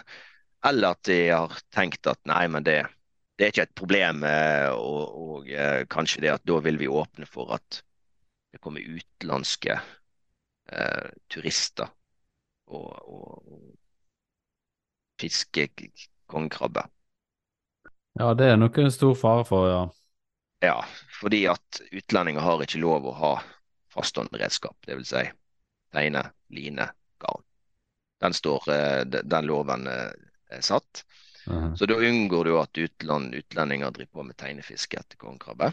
Mm. Men hvis du åpner for UV-jegere, så måtte du til med et, en ny lov der som sier det at men utenlandske UV-jegere har ikke lov til å ta. Ja. Så det er en sånn balanse der, da. Uh, men akkurat helt tydelig klart hvorfor det akkurat tegner, det vet jeg ikke. altså, men ja, ja, Du har jo det med fluktåpning òg, da. At du, mm. da sikrer du at du ikke tar småkrabber. Ja. Så. Vi burde men, kanskje fått noen eh, litt mer spesifikke lover der, egentlig. sånn at, eh, for det, På mange måter så hadde det jo vært greit at uh, utenlandske UV-jegere kunne kommet her og uh, tatt litt noen krabber. For det, det, er jo noen som kan bli gode inntekter uh, på. Ja. Turismemessig. I ferd med å bli mye større. Det hadde sikkert vært interessant for de som driver med turisme, det tror jeg absolutt. Men vi har jo et mm. problem nå med det som heter fritidsfiske på turister. Jeg ser jo hvor mye smugling som foregår. Det er jo ikke bra. Det blir tatt for mye fisk, og det blir eh, kun tatt loins mye. Da. Så, så eh, da vil en jo åpne for det igjen, og så må en jo inn og håndheve, sant? fordi at de skal ha kun lov til å ta ti krabber, f.eks. Burde sendt opp min mor eh, Burde sendt opp min mor og tvinget de til å koke kraft på beina og tatt den med seg hjem. Ja, ja nei, altså det, det er litt sånn jeg, jeg, har bare mistanke om at noen har sagt der OK, vi gjør det enkelt. Én ja, ja. teine per nordmann. Ti krabber i året. That's it. Men eh, hva fremtiden vil eh, det, altså, det er mer enn å krabbe. Så, um, men det er jo å sikre næringer det er jo òg viktig for politikerne. Det, jeg, tror, eh, jeg, tror, det ligger en video ute på YouTube at noen av de der eh, oppe i Nord-Norge som kjører en tur til Finnmark, og så har de skiboks på taket, og så fyller de den opp med, med kongekrabbe. Ja, det, det, er veldig mange historier der, og jeg vet ikke om alle er riktige heller, men det er helt klart at uh, problem med, med smugling. Nå, nå, ja, for det er jo et, et, eh, område òg der det er ikke kvoteregulert òg, ikke det? Altså det Jo, det er vest for, den og den. Ja, vest for uh... Vest for 26-graden, der er det desimeringsfiske. Det vil si at Norge ønsker å fiske opp kongekrabben i det området. Og der er det lov til å gjøre skal ikke si omtrent hva du vil, men det, er iallfall uh, ikke noen begrensninger på, ja. på krabbe. Men krabben er mindre, er vanskeligere mm. tilgjengelig og alt sånt òg, så, så um, ja, men der kan du dykke. Ja. Men de sier jo at det, det har blitt funnet helt til, til Bergen nå. Jeg har hørt historien jeg òg, men den tror jeg har blitt satt, satt ut. Ja. ja. Russ, er det russiske trollfabrikker? Det er nok en som har vært på fiske. Ja. Nei, jeg vet ikke, det er kun spekulasjon, men uh, den har ikke vandra så langt. Nei. Nei, men det var jo bra. Men hvor, hvor langt sør går de, da? Jeg stopper jo, eh, jo mye der når, på, altså når du kommer Nord-Troms, tenker jeg. jeg. Uten å vite helt nøyaktig. Så blir det færre og færre av han utover. De, de, er jo veldig mange som fisker liksom vest for Magerøy, bare for at der er det mest av han da, og så er det ikke så mange som fisker enda lenger vest, for da blir det mindre krabbe. Aha. Så, så det, det ligger på Nordkapp og ja, vest i Magerøysundet helt til grensa. Liksom, nærmest mulig grensa, det er viktig. Ja. Så, Ja. Nei, ok, så ser vi et siste spørsmål her fra Joel. Det er det, hvordan ser Fiskeridirektoratet på fiske av tunfisk, altså blåfinnetuner, tunfisk, makrellstørje med harpun? Er det noe som skulle kunne bli godkjent med en søknad i dag, eller noe som kan bli i framtiden? Ja, veldig, veldig spennende spørsmål. Um, det er aldri lett å spå om framtiden, men det, som ligger til grunn her, det er jo at tunfisken den er jo altså det, ble satt ned en sånn kommisjon da etter denne nedgangen, Mm. som heter ICAT. Um, Mm. International Commission for the Conservation of Atlantic Tuna. Mhm. Og Norge har forplikta seg gjennom ICAT, altså Mm. å, å følge deres råd og anbefalinger. Og det, vi gjør som regel sånn som ICAT sier. Eh, Mm. Vi har jo fått kvote, den har jo Mm. økt. Vi har òg fått avsatt noe av kvoten til, eh, til disse rekreasjonsfiskeriene. Og de kan jo Mm. få seg tro, troféfisk og slike ting. Så det har jo, har jo blitt mer og mer eh, nå i, i Norge. Mm. Men jeg kan tenke meg at hvis ikke at ser for seg at ja, nei, men det, det er kult, det gjør vi. Mm. Så må jo Norge òg tenke at ja, men da kan vi kanskje gjøre det i Norge òg. Men så litt sånn her, ja ja. Kanskje noen andre vil si noe, f.eks. Mattilsynet, da, at uh, dette er jo ikke bra. Altså, det er jo store dyr det her. Uh, og, og det skal jo være noe humant og, og sånne ting, da. Men, altså, men altså, hvem veit? Det, det kan godt hende at ikke at syns at det er en, en grei ting å gjøre. Og da blir det litt spennende å se om Norge tenker at det òg er greit. Men det skjer ikke noe før det skjer noe ikke annet. Altså, det, Men jeg tror det- altså, det er jo andre land i Europa der du får lov til å gjøre det. Ja, nei, det, så kan det hende da at det, det kan, Ja, nei, altså, det skal ikke utelukke da, men eh, kanskje. Men jeg er litt sånn Jeg har ikke, jeg har en tanke om at kanskje noen vil si noe om velferden. Ikke sant? Ja. Nei, Hvis du hende. skyte en fisk eh, i den Altså, det går jo fort der. Ja, ja det, det er ganske stor greie det der i utlandet. Du skal ha kraftige harpuner og sånne her eh, liner og flere blåser og ja, det er ganske heftig opplegg for å få en sånn opp i båten. Ja, nei, jeg tenker en eller annen kommer sannsynligvis til å stille spørsmål eh, om er dette bra. Men eh, hvem, hvem vet, altså. Jeg eh, skal ikke eh, gi meg inn på noe der, men eh, Det ville være Mattilsynet da, i tilfelle da. går på velferd, så vil nok sannsynligvis Det kan godt hende vi òg har noe å si der, det, men eh, vi vil nok få høre oss med de som har det som sitt område. Ok, da går vi videre. Altså, jeg lurer meg, Vi fikk litt, sånn, litt svart på dette spørsmålet her fra Joakim Sigler Gussland. Det er altså forbudet mot å jakte med harpun på anadrom laksefisk i havet. Ja, jeg Ja. ser det. Det var Mm. litt sånn som det er spørsmål én der. Um, det er jo igjen det her med, med det er to ulike forvaltningsregimer. og Mm. Anadron laksefisk det ligger under, under Klima- og miljødepartementet og blir da forvaltet av ja, Statsforvalter, Miljødirektoratet, kommunene, ja, liksom forskjellig der. Um, og, og um, ja, igjen altså det, ja, velferd det kan jo være én ting, men eh, det kan kan hende at de ikke har tenkt på det når de satte den loven, rett og slett. Vi har jo en ny, gjest nå, da, en som heter uh, pukkellaks. Den kommer jo opp i samme greiene, at den er, siden den er anadrom, Ja. så havner den hos Statsforvalteren eller Miljødirektoratet. Men den er jo Den kan jo fiskes i sjøen, så da er jo vi inne der på et tidspunkt, da. Men Ja. han, er, han er rett og slett forvalter av en annen, en annen fagetat. og Det er de som bestemmer der. Men det er mulig at vi, eh, vi henger oss på et eh, prosjekt eh, likevel, da. Sånn at å kanskje se å kunne redusere bestanden eh, når han er spiselig. Ja. Men er det så det kan være aktuelt med noe sånn desimeringsfiske på den òg? Ja, det, det kan det. Eh, men da står det jo en fare for at du ikke bare tar pukkellaks, men at du får noe villaks oppi der. og Det er jo ikke noe særlig. Så, så det, det, det, det får vi se, men eh, det beste hadde jo vært om du hadde klart å få utnytta ressursen. For det er jo en god matfisk når han er, Mm. ser, ser normal ut og er i sjøen. Ja, ja, ja. Ellers er- blir det jo bare forferdelig eh, grisete når han havner oppi elven. Så ja. eh, Men eh, ja, det er, sånn, sånn er det. Og um, anadrom laksefisk det har vi lite med i Fiskeridirektoratet. Ja, og så er er Christian Tonnem. Han er fra Nordås.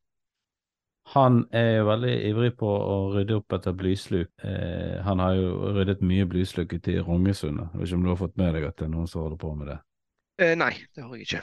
Så spørsmålet hans det er er det gjort noe forskning om store mengder blysluk har noe påvirkning på nærmiljøet? Eksempel Rognesundet hvor det garantert ligger mange hundre kilo som har samlet seg opp over flere år. Har sett mange sluker som er forholdsvis nedslipt av sand etc. Er det noen planer om å rydde området?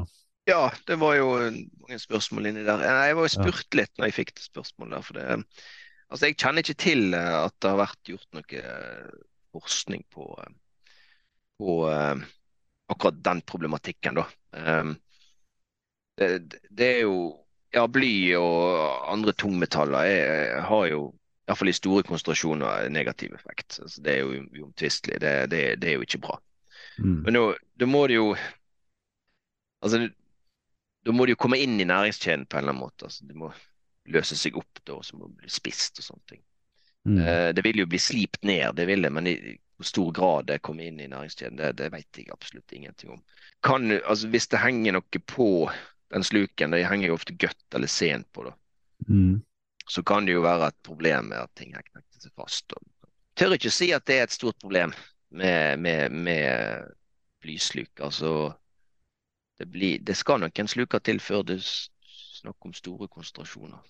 Mm. For å være litt sånn kynisk, da. Jeg tror det finnes andre ting ute i havet der som er større kilde til, til eh, tungmetallforurensning.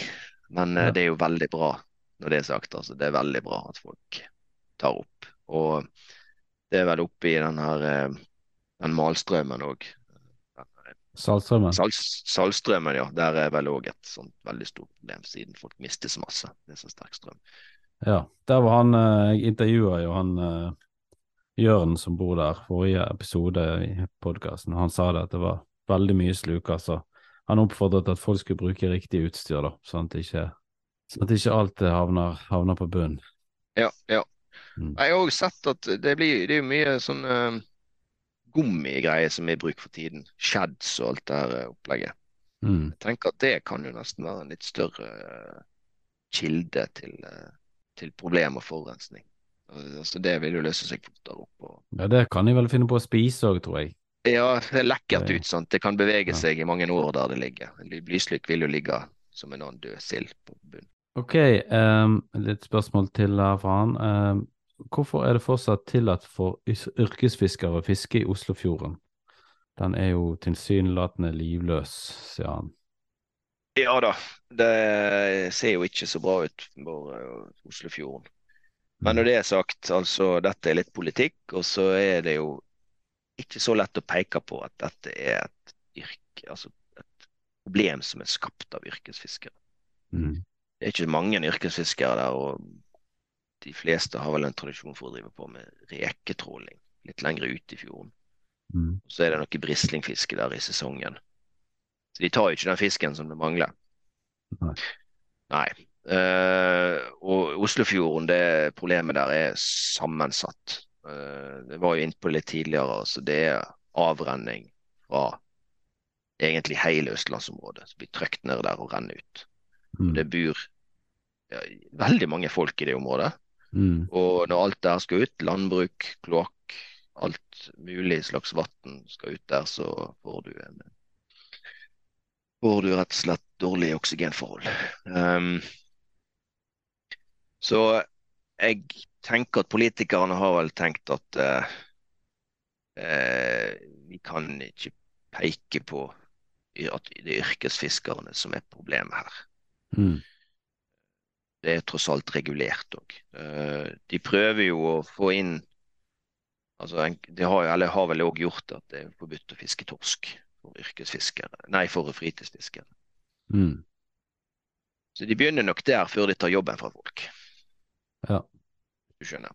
Um, det, det, det skal koste litt å, å gi yrkesforbud til, til, til folk. Uh, Iallfall når du ikke kan si at det er din feil. Ok, så var det ett til, og så var det uh, Hvorfor er det lov å fiske kveite med krok nord for 62 grader når det ikke er lov med harpun?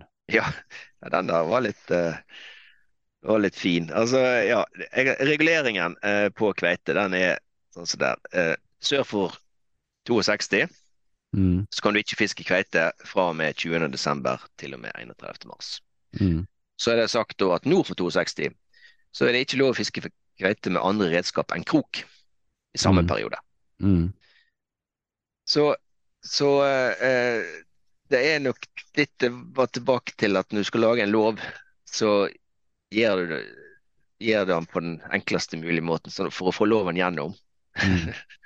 så må du tillate ting, Mm. samtidig som du kan forby ting der det er minst mulig støy. Og dette er jo, eh, ser det ut for meg som dette er jo eh, gjort for å, å, eh, å ta ned trykket på, på kveitefiske. Ja. Og når du fisker med krok, så får du kanskje ikke så veldig mange kveite. Noe får du jo, selvfølgelig. Men øh, øh, Så jeg tenker at det, det er nok derfor de har gjort det, da. At øh, det er noen som Mm. fisker vi krok, så skal de få lov til det. Mm. Men så kutter vi ut alle andre. Da får vi minst mulig støy. Mm. Eh, og så har de kanskje ikke tenkt på de som driver på med andre ting, eller har de tenkt at eh, det er ikke så nøye for det er så få folk. Nei. Så vi må begynne å lage mer støy da, hvis vi vil eh, fiske kveite hele tiden.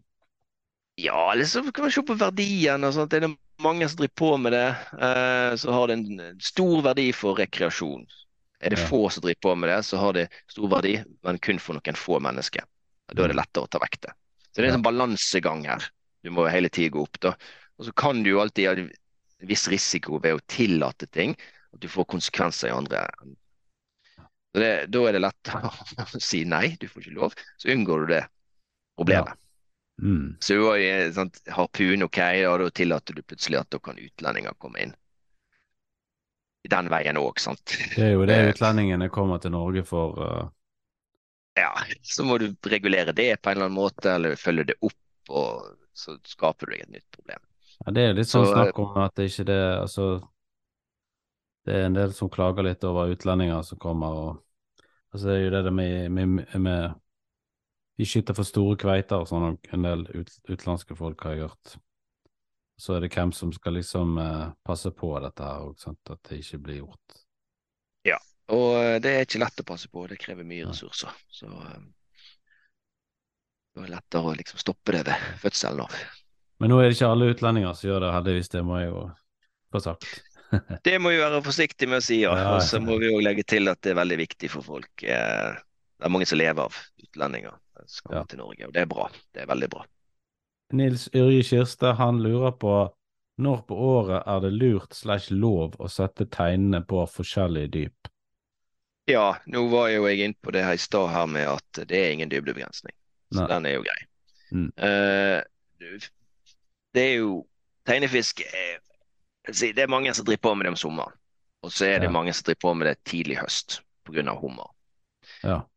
Men når det er sagt, så kan det godt hende at du kan òg drive på med det om vinteren, men det er jo kanskje ikke sjøen så tilgjengelig. Båtene er på land og alt det her greiene.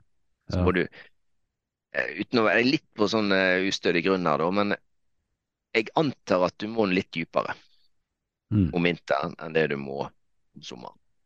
Og Det kan ha mm, temperatur, næringstilgang, slike ting. Men uh, når vi skal lystre krabbe, så går det gjerne om sommeren vi gjør det. sant? Så det man trekker opp det lysere og, og sånne ting. ja, det er vel en helt Så, eh, spesifikk greie det når krabben går opp eh, i fjæren på kvelden på høsten. Mm. Da går han bare det- beiter på sånne Hva er det de spiser på da? Sånne spesielle Ja, det er nok noe som blir eh, Jeg, jeg vet sannelig ikke helt hva han, hva han spiser på, men eh, det er noe som blir tiltrukket av lyset, antar jeg. Altså når morgenen kommer eller noe sånt, så vil det bli større aktivitet der oppe i, i den sonen. Så, Mm. Eh, men Det eh, mye, mye jeg, krabbe på grunt vann om vinteren og enkelte plasser er jo helt sykt. Ja, nede i Sunnhordland enkelte plasser har jeg jo sett helt vilt med krabbe egentlig sånn rundt juletider. Ja, ja. Nei, men da, som sagt, eh, der er jeg litt på gyngende grunn, for det eh, har ikke drevet på med det så mye om vinteren. Så jeg, jeg veit ikke. Men når det er sagt, så vil jeg anta at kvaliteten er bedre. Mm. Så um, de sier iallfall rekene er mye bedre om vinteren, selv om alle spiser om sommeren. Ja. Så, eh, men eh, ja, det er bare til å prøve, men ikke mist de. Ja. Nei, det må ikke de miste, de der. Ja, og så har jeg et uh, siste spørsmål her fra han uh, Jørn Inge Hamundsen Salstad fra Salstraumen. Og det er hvor lenge er det lov å ute kveite slash breiflabbgarn? Eh, Burde det ikke vært en begrensning som hindret fisken i å bli spist opp av uh, pirål, stimål, uh, sånn at fisken må kastes? Jo, Derfor så er det en uh, regel. Eh, Mange regler, men eh, sånn for eh, kveite og breiflabb så er det tre dager. Minst eh, hver tredje dag, står det i forskrift. Eh, så da antar de vel at han har mulighet til å beholde en viss kvalitet, selv om han står i garnet i tre dager. Breiflabben gjør det, vet jeg. Den, eh, den står nå der. Så den, den, og da er vel problemet med slimål mindre, når, så lenge han ikke dør. Torskefiskeriene så må du ut hver dag. Og der er annen, Det heter røktingsregler. Sånn generelt i lovverket så er det hver sjuende dag skal du røkte redskapet ditt. Og så er det satt inn strengere på visse typer redskap og arter. Ja. Og akkurat når det gjelder breiflabb og kveite, så er det hver tredje dag. Jeg antar at det ligger en uh, vurdering bak. Uh, Kort er jo spesielle, uh, uh, siden de har så store masker. Så det går ikke noe annet inni der. Nei. Og, og, og da står den breiflabben der og får nå litt oksygen. Så da tenker jeg at han klarer seg. Hvor er det de fisker etter breiflabb, egentlig? Er det langs hele kysten? Ja, det er egentlig ganske utbredt langs hele kysten, ja. Eh, Jeg vet ikke om han har en nordlig begrensning, det kan hende. Men eh, ikke sørlig iallfall. Sånn at da prøver du å finne en flate på 100 meters dyp. Mm. Så setter du en lenker på ti garn, liksom. Mm. Så går du ut og drar han åpentligvis før det går tre dager. Men Hvor mange breiflabber får de da egentlig oppi? Så hvor mye breiflabb er det der? Kom, de kjenner jo sine plasser, da. Eh, mm. Men jeg, det tør jeg ikke anslå. Men det er jo mange som har det som en sånn en del av jobben sin. Altså, de, hvis du er i åpen gruppe, så, så det heter, så ikke har noen spesiell kvote, så er det jo breiflabb som du fisker på. Mm. Og du får, du får godt betalt for disse halene, da. Ja. Så, eh, så det, det, det Men hva kan jeg si at du Jeg vil bare vite hvor mye det finnes her. Ja, nei, det- Jeg er så opptatt av de sjøl, for eh, jeg syns jo det er kanskje den beste fisken jeg finner. Så jeg vil ha mer. Ja da, det er mm, absolutt eh, en god fisk. Og jeg har òg en liten sånn Tror at det har økt litt, men uten jeg har sett statistikken der. Og. Det, på fangstene, altså. det er gledens. Ja, ja, ja, det spørs jo om fangstene går opp. Betyr jo ikke at bestanden går opp. Men, uh... oh, ja, sånn. Ja. Men det har iallfall ikke blitt satt inn noen sånne store reguleringstiltak der ennå. Da. Så, så det er jo litt sånn tilnærmet fritt. ja. Har du mye lyr i frysen? Eh, nå spiste jeg opp siste her eh, i forrige uke. Ja. Ja. Så eh, han har vært en stund. Ja, ja jeg, nå er jeg òg tom. Jeg tror faktisk det var forrige uke. Så jeg eh, spiste meg gjennom all lyren fra, fra i fjor. Ja. Den siste den hadde jeg salta. Jeg syns det er godt, jeg.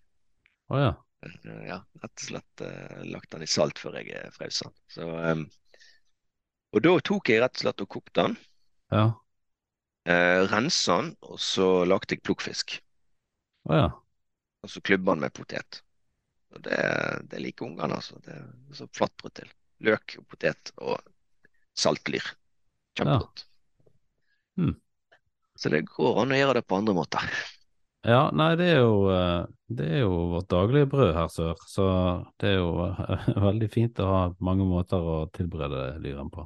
Nei, jeg syns det der med lyren, den, eh, det, altså, den, den klarer seg på mange måter. Men jeg husker vi hadde et sånn gammelt eh, villmarksliv eller et sånt fiskeblad som lå på hytta, husker jeg. Gammelt Ja. Så jeg, eh, vi var unge og satt og lo av det der, for det var en artikkel som heter 'Lyren ikke lett å få'. Ah, ja. Så var det en sånn oppskrift av hvordan du skulle klare å fiske lyr.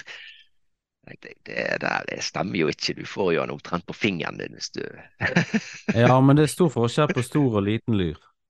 Ja da, det er det. Den uh, små, den eh, Den får, ser du jo alltid, sant? men uh, den skikkelig store, den er litt mer vrien. Det, det er nok sant, og det ser du når du fisker òg, at det er noen som har et annet levesett. Altså de der uh, som du får ganske dypt disse øynene dette ut på. uh, Mm. I forhold til den som eh, går og jager en med land, som er helt annen kondisjon. Kan den er mye kjappere og ja, syns den er mer viril enn den der litt store som du må dra opp fra dypet. Så Ja. jeg tror han, han lever litt forskjellige plasser, uten at jeg vet noe om det. Da men jeg har en mistanke om at det ikke er gjort all verdens forskning på akkurat lyr heller. Nei. Men det er, ikke noe, det er jo ikke noe fiske på lyr heller, er det det? Noe Nei, det er jo kun de som eh, Altså de som ikke har noe spesiell kvote, som driver på i åpen gruppe, som tar seg vår lyr, da. Ellers, all, all fisk i om Norge skal jo omsettes, sant? så er du yrkesfisker, så går du til til, eh, til salgslaget ditt med det, da. Så det er jo Mm. lyr i, i markedet, det er det, men eh, det er nok bifangst. Ja. Ja, men det er kult. Ja, nei, men veldig flott, Kristian. Dette ble jo uh, en substansiell prat. Nå fikk vi jo diskutert veldig mange forskjellige ting. Ja. Så ja. Nei, det blir spennende å høre om, uh, om du får, det, får det noe lyr i, i, på Bømlo i sommer. På, under Bømlobrua.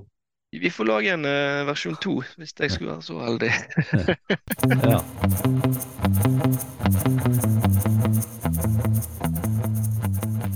Episode seks ferdig. Dette blir veldig interessant og gøy. Husk å eh, følge eh, Havkontoret på Instagram og Facebook. Send gjerne en melding, gi meg ris og ros. Forslag til hvem skal intervjue. Eh, neste episode så skal vi snakke med en uh, stor kveitejeger. Ok, vi snakkes.